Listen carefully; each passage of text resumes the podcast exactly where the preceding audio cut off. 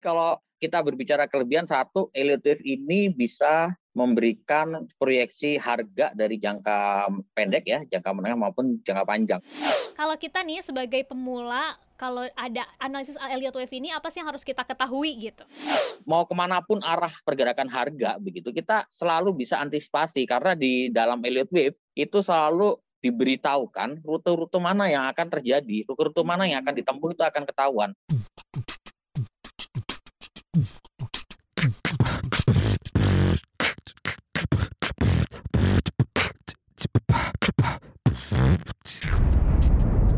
Cuap-cuap cuan. Halo semuanya Sobat Cuan, di mana pun kalian berada, senang banget kita bisa kembali lagi. Dan kali ini kita akan ngobrol-ngobrol pastinya seputar uh, rahasia mencari cuan ya Di tengah IHSG yang masih sideways seperti sekarang. Daripada galau-galau, mendingan kita cari ilmu Gimana caranya kita bisa memanfaatkan momentum dengan analisis-analisis fundamental atau teknikal supaya kita bisa tetap dapat cuannya ya kan termasuk salah satunya analisis teknikal yang akan kita pelajari kali ini yaitu rahasia cuan pakai Elliott Wave. Nah, kira-kira sobat cuan udah pernah dengar belum nih analisis yang satu ini ya Elliott Wave?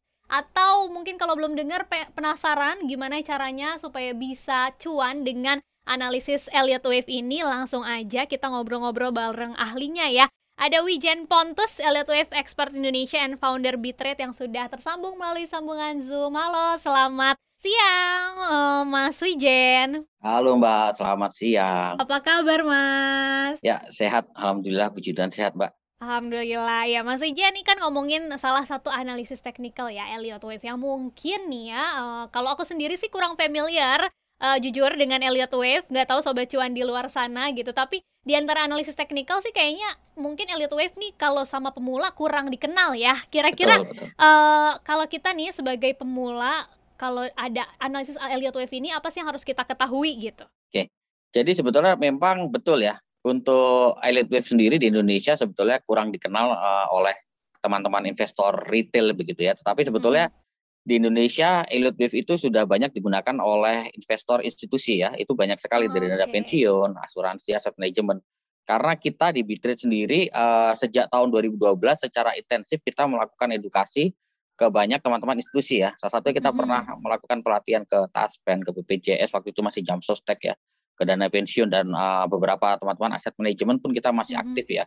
Dan yang membedakan Elliott Wave Analysis ini dibandingkan dengan technical analysis uh, yang lain itu kurang lebih seperti ini. Jadi kalau Elliott Wave itu nanti kita akan berbicara pola ya, lebih bicara kita hmm. identifikasi pola. Jadi kita percaya dalam Elliott Wave ini bahwa setiap pergerakan harga apa pun ya, entah harga uh, saham atau harga cryptocurrency atau komoditas dan lain-lain, itu memiliki pola-pola tertentu ya. Dan pola-pola itu berupa gelombang. Itu kenapa disebut Elliott wave. Elliott wave ini kan berarti kan gelombang Elliott begitu ya. Mm-hmm. Dan uh, tugas kita sebagai pengguna Elliott wave ini tinggal melakukan identifikasi saat ini harga sedang bergerak di pola apa begitu ya. Setelah okay. kita sudah tahu uh, harga sedang berada di pola apa, maka kita bisa menentukan ke depan itu harga akan bergerak mengikuti pola apa berikutnya begitu. Jadi karena hmm. ada pola kita bisa menentukan kalau pola ini keluar maka nanti ke depannya akan seperti ini. Jadi berupa hmm. gelombang lah. Gelombang itu nah, biasanya kita berikan uh, label itu gelombang pertama atau wave 1, okay. wave 2, wave 3, wave 4, wave 5, wave A, B dan C. Jadi elite wave itu pola gelombang berupa wave 1, 2, 3, 4, 5, A, B, dan C. Kurang lebih seperti oh, itu. Oke, okay, oke. Okay. Dan ini bisa dipakai tadi ya, bisa buat ya, saham, ya, bisa buat kripto, komoditas. Semuanya bisa dipakai. Nah, kalau kita bandingkan dengan uh, analisis teknikal yang lainnya, kelebihan dan kekurangan Elliott Wave ini apa nih, Mas? Oke. Okay. Jadi kalau kita berbicara kelebihan, satu, Elliott Wave ini bisa memberikan proyeksi harga dari jangka pendek ya, jangka menengah maupun jangka panjang. Jadi kalau saya pribadi menganalogikan Elliott Wave ini seperti GPS gitu ya, GPS okay. atau kompas begitu ya, atau peta lah ya.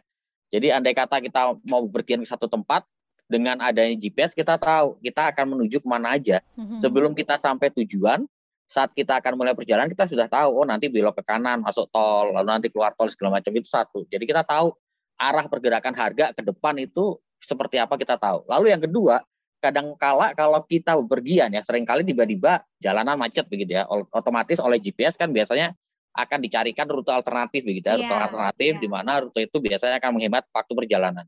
dengan wave pun seperti itu. Jadi ketika tiba-tiba uh, ternyata harga bergerak sedikit melenceng daripada skenario awal gitu ya, dari rute awal yang uh, diperkirakan itu secara otomatis wave akan memberikan rute alternatif begitu ya. Jadi mau ke mana pun arah pergerakan harga begitu kita selalu bisa antisipasi karena di dalam elite wave itu selalu diberitahukan rute-rute mana yang akan terjadi, rute-rute mana yang akan ditempuh itu akan ketahuan. Jadi kalau tiba-tiba ada halangan, harga ternyata jebol stop loss gitu. Nanti secara otomatis elite itu akan kasih tahu, oh nanti kalau jebol stop loss, nanti harganya akan turun ke level ini, lalu dia misalkan akan rebound. Jadi kurang lebih seperti itu. Itu itu, itu yang kedua. Yang ketiga kelebihannya elite dibanding yang lain karena kita diberitahukan rute-rute ya atau proyeksi harga ya baik kalau harga naik itu seperti apa nanti kalau tiba-tiba harga turun stop loss seperti apa sehingga kita dengan mudah menyusun trading plan. Tentu tentu saja begini trading plan ini adalah sesuatu yang uh, saya rasa tidak gampang untuk kita buat ya. Kadang-kadang kita menentukan level stop loss eh ternyata level stop lossnya kerendahan. Akhirnya begitu kena level stop loss satu tick harus itu harga terbang kan sering sekali seperti itu nyesel ya. deh di tengah betul sering kali seperti itu oleh karena itu menentukan trading plan itu bukan perkara yang gampang dan Elliott Wave membantu kita untuk menentukan trading plan yang sesuai dengan karakter kita. Kita tahu bahwa seorang trader atau bahkan investor itu memiliki tipenya masing-masing ya. Sebagai contoh kalau kita bicara trader ada yang tipenya scalper yang satu iya. dua tick keluar gitu. Ada yang uh, tipenya one day trade ya, mungkin agak pan lebih panjang atau ada yang swing, swing trade gitu ya. ya. Artinya banyak tipe-tipe. Nah, tentu dengan berbagai macam tipe, dengan tipe yang berbeda, karakter yang berbeda, tentu kita sebagai seorang trader ini diharuskan memiliki trading plan yang tentunya juga yang unik gitu ya, iya. yang sesuai dengan karakter kita. Nah, Elite bisa menyediakan itu. Itu kelebihannya Elite Wave. Yang berikutnya lagi ini yang yang saya rasa cukup penting ya karena kita sebagai seorang trader bahkan saya sendiri sampai sekarang dari 2006 saya mulai trading sampai sekarang saya sering tidak sempat melakukan cut loss tanda kutip nyangkut iya. di sini nggak pernah nyangkut, betul kan? Banyak di sini sobat nyangkut. betul. Ya, artinya ketika kita beli satu saham, kita tinggal meeting dua jam, tiga jam, begitu balik, eh ternyata harga udah turun jauh lebih level stop loss. Ketika kita mau cut loss, kita sering kali nggak bisa ya. Kita antri jual, ternyata uh, nggak kejual harganya. Sehingga harga cenderung turun terus. Nah, ini jadi problem. Tetapi dengan Elliott Wave, ini enak banget. Karena dengan elite wave kita dikasih tahu oke okay, kalau ternyata kamu tidak bisa melakukan cut loss secara satu dan lain hal uh, elite wave akan ngasih tahu karena dia akan ngasih rute alternatif kan ini harga akan turun ke bawah sebagai contoh nih mbak yang baru-baru aja iya, iya, iya. ini baru banget hari ini uh, saya ada posisi di BABP di harga 290 mm -hmm. saya tadi baru masuk entry sedikit lalu ternyata tadi pagi sebelum Langsung saya tinggal buka nih BAP nih. ya jadi sebelum sebelum saya tinggal meeting nih harga masih bagus, di harga sempat 294 uh -uh. dan volume juga cukup oke, okay, sudah cukup yeah. oke. Okay. Saya pikir ya pasti break 300. Ternyata begitu saya balik meeting udah posisinya udah balik 170 lagi. begitu. Bener. Artinya posisinya udah floating loss. Ketika saya mau cut loss otomatis cut loss cukup besar. Okay. Sehingga uh, okay. tetapi saya nggak saya tidak panik. Kenapa? Karena di Elite kita tahu bahwa oh ini BABP sudah berada di akhir downtrend ya. Oh. Downtrend jangka menengah. Jadi nggak buru-buru Ya, betul. Jadi di level 290 saya rasa uh, masih aman dan saya yakin bisa keluar dengan selamat. Bahkan harusnya nanti ketika BABP andai kata besok masih tertekan di bawah 260 ini momentum saya buat melakukan overage down. Kayak okay. secara secara iludif itu minimal targetnya harusnya 300 dalam uh beberapa hari ke depan atau paling telat ya awal minggu depan. Jadi di situ aja udah ketahuan gitu loh. Uh Artinya artinya ini kan suatu hal yang luar biasa ya karena kalau kita pakai technical biasa sebagai contoh tentu kita kadang-kadang kebingungan waduh saya beli 290 harga sekarang 270 bahkan sekarang closing 268 apa yang harus saya lakukan? Kadang-kadang bingung ya yeah. tapi dengan elite wave itu kita nggak perlu bingung dan sehingga oleh karena itu trading itu nyaman. Jadi hmm. trading itu kita bisa tidur enak ya kan? Meskipun harga turun ya segitu turun kita ada posisi yang memang kita nggak sempat cut loss dan segala macam ah, kita tahu ya kita tahu harus keluar berapa. Bukan berarti kita nggak cut loss loh kadang-kadang yeah, yeah. memang kita harus cut loss tapi kadang-kadang kan harganya kita bisa nunggu gitu loh Uh-huh. Kalau kita bisa cut loss ketika harga rebound, misalkan posisi 290, oh ternyata secara ilutnya mentok di 280 terus harga turun lagi. Daripada kita cut loss di harga sekarang 268 kan lebih baik kita nunggu harga di rebound 280 baru ya. kita melakukan cut loss. Jadi saya rasa uh, itu beberapa kelebihan wave dibanding technical analysis. Oh, sampai yang terakhir ya yang saya uh, hampir lupa sampaikan bahwa elite, elite wave ini adalah technical analysis yang paling leading, Mbak. Jadi hmm. paling leading itu paling awal memberikan indikasi sinyal beli itu satu ya sebagai contoh yang paling terlihat itu adalah saham BABP sebagai contoh ini posisi sudah berada di akhir downtrend. Artinya secara hmm. indikator yang lain belum ngasih sinyal beli karena posisinya masih tertekan ya. Tapi kalau secara elite wave ini udah berada di akhir downtrend. Artinya wow. ketika harga itu turun, ini harusnya sudah posisi akhir downtrend dan ini waktunya untuk kita akumulasi. Artinya ketika hmm. kita tahu sinyal beli atau jual lebih dulu, ini akan mempermudah kita untuk melakukan akumulasi beli okay. sehingga harga perolehan kita lebih rendah daripada ngejar breakout, kita kejar harga ke atas, Udah ternyata nyangkut di atas, iya. ketinggian kan, harga-harga turun lagi ini kan repot. Lebih baik kita akumulasi pelan-pelan. Begitu okay. juga dengan dengan jualan. Artinya ketika kita jual, elit itu udah kasih tahu nih udah berada di akhir uptrend begitu ya, seperti hmm. itu. Jadi beda sama analisis teknikal lainnya kan biasanya cuma nentuin dua gitu ya, supportnya mana, resistensinya mana gitu ya. Nah kalau ini bisa kelihatan tuh kapan sih sinyal-sinyal udah bisa uh, belinya atau juga termasuk jualnya. Tadi dapat bocoran jadinya Bapi ini tapi balik lagi ya ke sobat cuan tergantung semuanya disclaimer on semua keputusan investasi ada di tangan sobat cuan. Nah, uh, caranya gimana? Kita jadi penasaran karena wah kayaknya bagus ya. juga nih uh, Elliott Wave tahap-tahapnya kayak gimana sih? Apakah kita gambar sendiri yang gelombang-gelombang deti atau kayak gimana, Mas? Memang Elliott Wave itu salah satu ke kelemahannya tadi kita uh kita udah berbicara kelebihan Elliot dan sekarang kita bicara kelemahan. Kelemahannya Elliot Wave sampai saat ini belum ada sistem yang bisa menghitung Elliot Wave secara akurat ya. Okay. Artinya dalam kata lain uh, Elliott Wave ini harus dilakukan secara manual perhitungan ya. Hmm. Artinya kita harus tentu ini wave 1 di mana, wave 2 di mana, 3 di mana. subjektif gitu. ya? Tidak subjektif. Banyak oh, orang enggak. mengatakan Elliott Wave subjektif, saya rasa enggak. Karena hmm. kita di Bitrade sendiri uh, itu kita punya lima mentor, semuanya certified semua Elite Wave International. Jadi memang kalau Elite Wave itu ada sertifikasi khususnya bagi orang yang benar-benar mau menekuni atau mendalami Elite Wave itu memang harus ada sertifikasi internasional hmm. dan kita adalah salah satunya lembaga yang punya sertifikasi internasional ini okay. untuk Elite Wave. Dan itu tidak subjektif. Kenapa? Karena Elite Wave itu punya aturan-aturan, Mbak. Ada aturan-aturannya. Uh, lalu ada guidelines. Jadi kalau kita uh, melakukan counting atau analisis LDF gitu, kita harus berpatokan pada aturan-aturan dan guidelines itu. Jadi untuk subjektif saya rasa selama aturan dan guidelines tidak ada yang dilanggar, saya rasa antara satu orang dengan orang yang lain nggak terlalu beda jauh ya. Nggak terlalu beda jauh betul. Mm-hmm. Caranya tadi gimana jadinya? Jadi untuk belajar LDF pertama teman-teman sebenarnya bisa searching ya di internet bisa atau kunjungin IG kita kita hmm. sering kadang-kadang uh, ngasih apa namanya ngasih pick gitu ya sneak hmm. peek gitu terhadap Elliot Wave itu di IG kita at bitrate underscore Elliotician ya double L dan double T. Okay.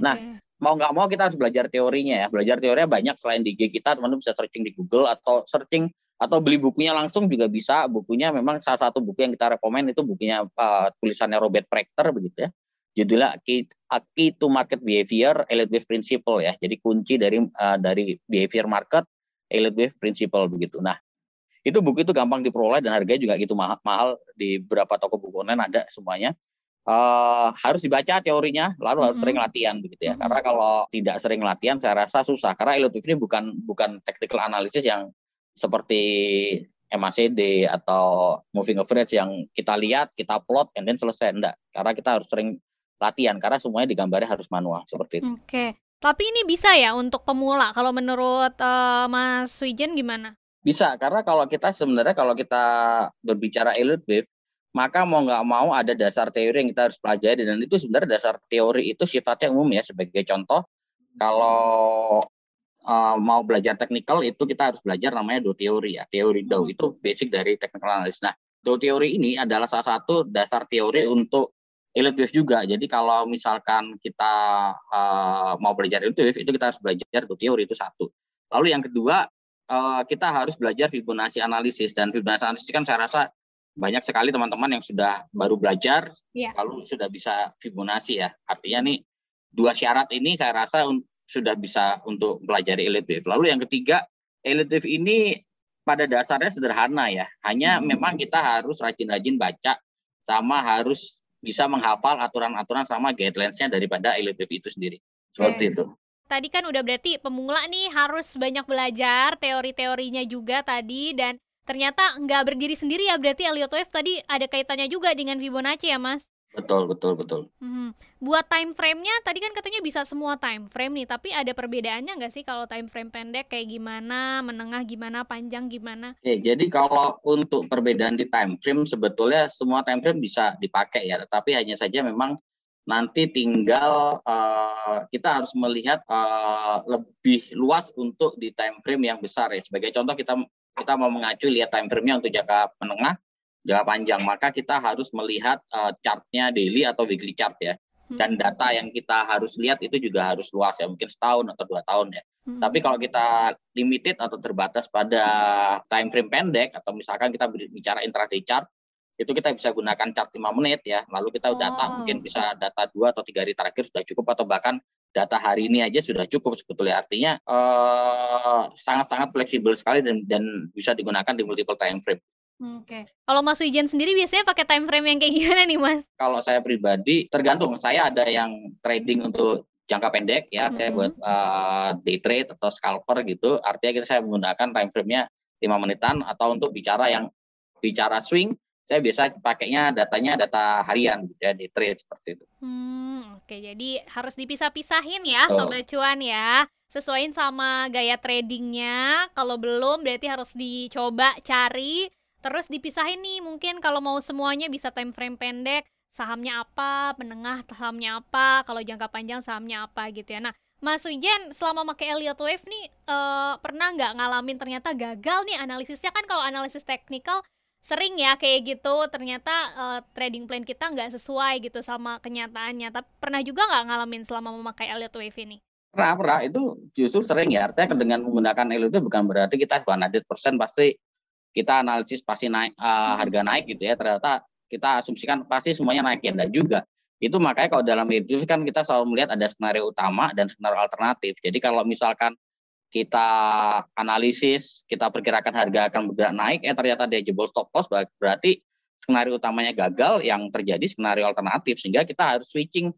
Kita punya view kita punya pandangan dari skenario utama menjadi skenario alternatif seperti itu Hmm, oke oke oke. Ada pesan gak sih Mas buat sobat cuan yang tadi mungkin belum uh, nemu nih gaya tradingnya? Jadi bingung sendiri kan kalau kalau Mas Ijen misalnya kan udah tahu nih oh harus dipisah-pisah. Tapi dia belum uh, nemu gaya tradingnya. Apakah scalper atau swinger atau apa? Ada nggak mas sansannya sebelum kita nanti bahas nih terakhir yang contohnya ya. Baik. Jadi kalau kita berbicara gaya atau tipe trading itu mau tidak mau kita harus mencari mana yang cocok ya. Tetapi sederhana, kita harus melihat dulu satu. Kita punya waktu nggak sih untuk punya, eh punya jadinya. Pasti punya waktu semuanya kok aku jadi yang jawab. Jadi apakah kita punya waktu untuk selalu memperhatikan layar monitor ya? Kalau kita tidak punya waktu untuk memperhatikan layar monitor artinya kita masih bekerja di tempat lain atau kita gitu kan. punya usaha yang harus kita uh, pantau setiap hari tentu ini kita tidak bisa memperhatikan layar setiap waktu. Oleh karena itu, kalau seperti itu ya kita tidak bisa untuk menjadi seorang scalper wow. atau day trader begitu ya. Susah, lebih baik jadi swing trade. Itu satu. Jadi perhatikan di skala waktu. Lalu yang kedua adalah dari sisi kesiapan modal ya. Mm -hmm. Tentu uh, teman-teman yang modalnya udah di atas 10 miliar begitu. Mm -hmm. Untuk menjadi seorang scalper itu tentu perlu skill yang sangat luar biasa. Yeah. Perlu waktu, dedikasi waktu yang sangat luar biasa. Jadi kalau modal sudah besar, semakin besar modal, ada baiknya kita lebih lihat ke swing ya. Swing itu lebih lebih gampang untuk mengaturnya. Jadi lihat dari modal.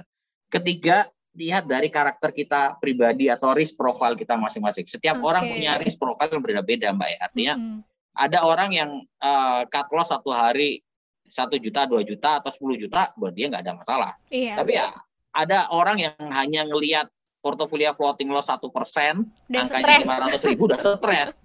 Nah ini susah. Artinya kalau kita berbicara seperti itu ya kita usahakan uh, swing trade aja atau misalkan uh, hindari saham-saham yang uh, sifatnya fluktuatif yang berisiko yang tinggi. Yang bikin kolesterol ya. Betul, bikin kolesterol. Itu yang ketiga. Yang keempat, selain kita berbicara uh, risk profile ya kita udah bicara waktu lalu kita sudah bicara soal uh, kecukupan modal ya mm-hmm. berapa modal lalu yang ketiga kita sudah berbicara risk profile yang uh, keempat yang menurut saya cukup penting kita harus tahu ini terkait juga sama risk profile yaitu karakter kita seperti apa Mm-hmm. Kalau karakter kita seorang yang tidak sabaran, begitu ya, terus disuruh jadi investor, ya nggak mungkin bisa. Yeah. Karena karakter kita nggak sabaran. Kalau nggak sabaran itu nahan satu cepet hari cuan. aja, betul. Satu hari aja udah pasti gatel. Wah, dukungan naik-naik ya. Padahal namanya investor kita bicara tahunan gitu ya. Begitu juga sebaliknya. kalau tipe kita adalah tipe orang yang uh, sangat konservatif terkait risk profile tadi, kita dipaksa jadi seorang day trader atau scalper begitu ya, tentu nggak sanggup jantungnya begitu ya. Iya. Karena lihat dikit-dikit naik atau turun lagi, wah itu udah pasti stres tuh kepala. Jadi ini yang harus diperhatikan. Tidak semua orang itu cocok dengan tipe trader yang sama. Jadi nggak usah iri, kita nggak usah iri. Kalau ngelihat waduh itu ada satu orang yang dia scalper sebulan Cuannya bisa ratusan persen. bisa ratusan persen, puluhan persen, puluhan persen ya itu kan mereka beda ya. Mereka punya waktu sehingga mereka bisa mantau layar, mereka punya waktu untuk belajar. Mereka sangat disiplin sekali ya kan terkait dengan karakternya dia tadi yang nomor empat. Mereka sangat disiplin. Sementara kita tidak bisa seperti itu ya jangan dipaksa seperti itu. Yang ada nanti kita boncos, bukan Benar. cuan malah boncos seperti itu. Oke, jadi dicari ya sobat cuan kalau udah tahu baru deh bisa pakai analisis-analisisnya termasuk Elliott Wave nih. Tadi Ya. gimana Mas? Coba contohnya ini yang Bapi ya? Ini BABP ya, Mhm. sama BABP ya Bang eh, MNC Bank ya, Motion Bank. Nah, ini sebagai contoh ini adalah eh, chart di Elite Wave. Kalau dari Elite Wave kelihatan bahwa posisi downtrend ini data kemarin ya, Mbak. Data kemarin memang hari ini belum update begitu. Tadi dia kan eh, turun sampai sekitar 262 sama dengan loss kemarin. Ini kalau kita perhatikan ini posisinya berada di akhir wave C gitu ya, lebih tepatnya wave 5 dari wave C dari wave Hmm. 4. Artinya kalau dari Wave ini ini udah deket bottom loh, sudah Oke. sudah hampir selesai downtrendnya. Sekalipun dia turun, downside mungkin limited ke sekitar 260 atau mungkin ke sekitar 250. Jadi kalau tadi closing 268 ke 250 ya itu kan udah nggak terlalu jauh. Jadi sebenarnya Hmm. ini adalah opportunity buat kita mulai akumulasi beli. Itu Oh, satu. Oke. Lalu yang jelas kalau kita sudah tahu ini target ini, ini uh, posisinya sedang berada di akhir wave C dari wave 4, kita tahu bahwa setelah ini selesai, koreksi ini selesai, ini harga akan rebound. Ini Mhm. pasti akan naik ke atas. Nah, kita bisa ukur dengan menggunakan Fibonacci. Makanya Fibonacci salah satu komponen penting dalam elite wave. Iya. Karena Fibonacci untuk uh, menentukan target ya, kita bisa Yes. nentuin bahwa oh ini minimalnya BABP setelah dia selesai downtrend ini, setelah dia koreksi, dia akan rebound terpe- terpendek di 23,6-nya dari level Fibonacci yaitu di Hmm. 340 minimal. Mhm. Kalau 340 break, oh dia potensi 390 lah. Sekarang kalau kita tahu upsetnya sampai 340 ya kan minimal. Kalau kita beli di range antara 27 eh, sorry 268 sampai 260 target Masih dari bisa tuh ya. 340 itu kan Mhm. upsetnya jauh sekali. Iya, masih ada. Artinya ini opportunity begitu kan sebetulnya dari sekarang kacamata elite. Nah, itu kurang lebih. Oh, nah caranya supaya kita bisa maksimalin cuan dengan Elliott Wave nih kayak gimana nih Mas? Mungkin kalau dari pengalamannya eh, Mas Wijen misalnya kayak tadi ya kap, eh, nentuin kapan kita bisa akumulasi atau average down lagi misalnya udah beli di satu level terus ternyata harganya turun, wah ini bisa nih nampung akhirnya kan nanti kalau dia naik potensi cuannya lebih besar lagi ya. Itu kayak gimana sih Mas? Betul. Jadi pertama memang kita harus tahu ya pola wave-nya sedang berada di wave apa ya. Mm-mm. Itu yang pertama. Yang kedua, kita tetap harus gunakan money management ya. Bagaimanapun kita trading tidak bisa lepas daripada money management. Artinya jangan pernah langsung hajar kanan, all in, semua modal, pakai limit lagi ya kan. Jangan seperti itu. Artinya disarankan kita mulai cicil dulu pembelian bertahap. Misalkan eh, 268 kita cicil dulu, nanti begitu turun lagi kita eh, cicil lagi. Jadi melakukan eh, pembeliannya secara bertahap itu yang pertama. Yang kedua, eh, sebelum melakukan pembelian kita harus tahu dulu reward to risk ratio-nya gimana. Jadi dalam Hmm. dalam trading itu kita berbicara reward to risk ratio. Artinya dari wave ketahuan, oh kita punya target itu 340 loh untuk BABP. Itu rewardnya, kita bisa ngukur. Misalkan kita masuk di 268 ke 340, itu udah berarti sekitar eh, mungkin sekitar 74 eh, rupiah untuk rewardnya ya. Lalu kita hitung risknya, kapan kita harus cut loss? Oh, kita harus cut loss kalau misalkan BABP turun ke 250 ya. Risknya sekitar 18 rupiah. Kalau dia break eh, 250. Artinya kita ukur masuk nggak 18 rupiah resiko dibandingkan dengan rewardnya tadi 74. Oh itu udah lebih dari satu banding tiga ya. Mungkin sekitar eh, satu banding empat. Artinya reward to ratio 4 banding satu. Ini sangat masuk. Jadi kita tentukan kalau reward dan risk ratio masuk ya udah kita harus beranikan untuk melakukan pembelian. Tapi pembeliannya dengan menggunakan money management yaitu pembeliannya kita lakukan secara bertahap. Nah ini kurang lebih Hmm. pola elite wave ini eh, seperti ini Mbak. Jadi Mm-mm. ada wave 1, ada wave 2 ya, Mm-mm. ada wave 3 kurung seperti ini. Di dalam wave 3 kurung terbentuk dari lima gerakan lagi, lima wave lagi, satu, dua, tiga, empat, dan lima. Oh, Jadi oke. kalau kita ada dapat nih wave 3 kurung, oh berarti turunan berikutnya ada kemungkinan besar adalah bagian dari wave 4. Kalau wave Hmm. 4 sudah selesai terbentuk, ya idealnya BABP akan lanjut lagi. Naik lagi ya. Naik lagi, akan break puncak itu bikin wave 5 gitu. Ini skenario utamanya untuk uh, eh, BABP gitu ya untuk motion back. Oke, nah kayak gitu ya. Emang nggak bisa sekali ini aja pasti belajarnya butuh Betul. waktu banget, butuh uh, waktu yang panjang juga buat ngobrol-ngobrolnya. Mungkin bisa di stop share dulu uh, Mas Boleh. Wijen okay. sambil terakhir kita ngomongin uh, IHSG yang masih di sini-sini aja nih. Kira-kira ada tips nggak nih buat sobat Juan yang lagi galau mungkin memanfaatkannya seperti apa nih di tengah IHSG yang masih sideways? Jadi posisi IHSG kalau dari Elliott wave ini besarnya ya kalau kita mm -hmm. bicara dari tahun lalu sampai sekarang itu besarnya sedang bentuk uh, triangle correction mm -hmm. pattern ya. Mm -hmm. Dan memang selama IHSG belum break uh, dua level resistance penting, level resistance pentingnya itu ada di sekitar 6170 eh, itu resisten yang pertama. Mm-hmm. Lalu resisten kedua yang lebih penting lagi di 6264 ya. Jadi selama belum uh, break 6264 saya rasa cenderung sideways begitu mm-hmm. ya. Itu kita harus waspadai ya udah ISG akan cenderung sideways terus ya. Itu satu. Mm-hmm. Jadi resisten itu harus perhatikan 6170 6264. Kalau okay. dia sudah break 6264 itu arah ISG akan bullish sampai uh, medio tahun depan ya, video 2022 oh. gitu ya. Artinya kita masih bisa lihat ISG ke 65 atau bahkan ke 66 67 tuh tahun depan. Kalau dia break 6264, ini resisten yang yang yang yang, yang sangat penting yang harus diperhatikan. Nah, tetapi kalau ISG jebol support duluan ya, ada support penting dua support penting yang yang yang perlu diperhatikan oleh teman-teman yaitu di 5982 dan di level 5938 ya. Wow. 5982 dan 5938 eh ternyata dia ISG jebol uh, 5938 ha. support yang paling rendahnya ya udah kita harus waspada ISG akan koreksi ke bawah 5850 mungkin 5850 sampai 58 ya tetapi okay. anyway kalau kita berbicara secara kerangka besarnya untuk jangka panjang sekalipun ISG turun ke bawah 5850 nih Mbak tetapi setelah ISG turun itu ISG akan kembali bullish lagi nah itu, itu yang ditunggu-tunggu tuh Iya betul betul opportunity ya. Betul. Jadi strategi apa? Sambil nunggu IHSG break support duluan atau mm -hmm. break support duluan atau break resistance duluan, strategi apa ya? Kita trading cepat aja. Oke. Okay. Untuk saat ini. Nanti begitu dia jebol support, kita baru nambah posisi ya. Di All in langsung ya. lima delapan lima puluh ya. Dengan catatan di bawah lima delapan lima puluh dulu yeah. ya. Bawah lima delapan lima kita all in.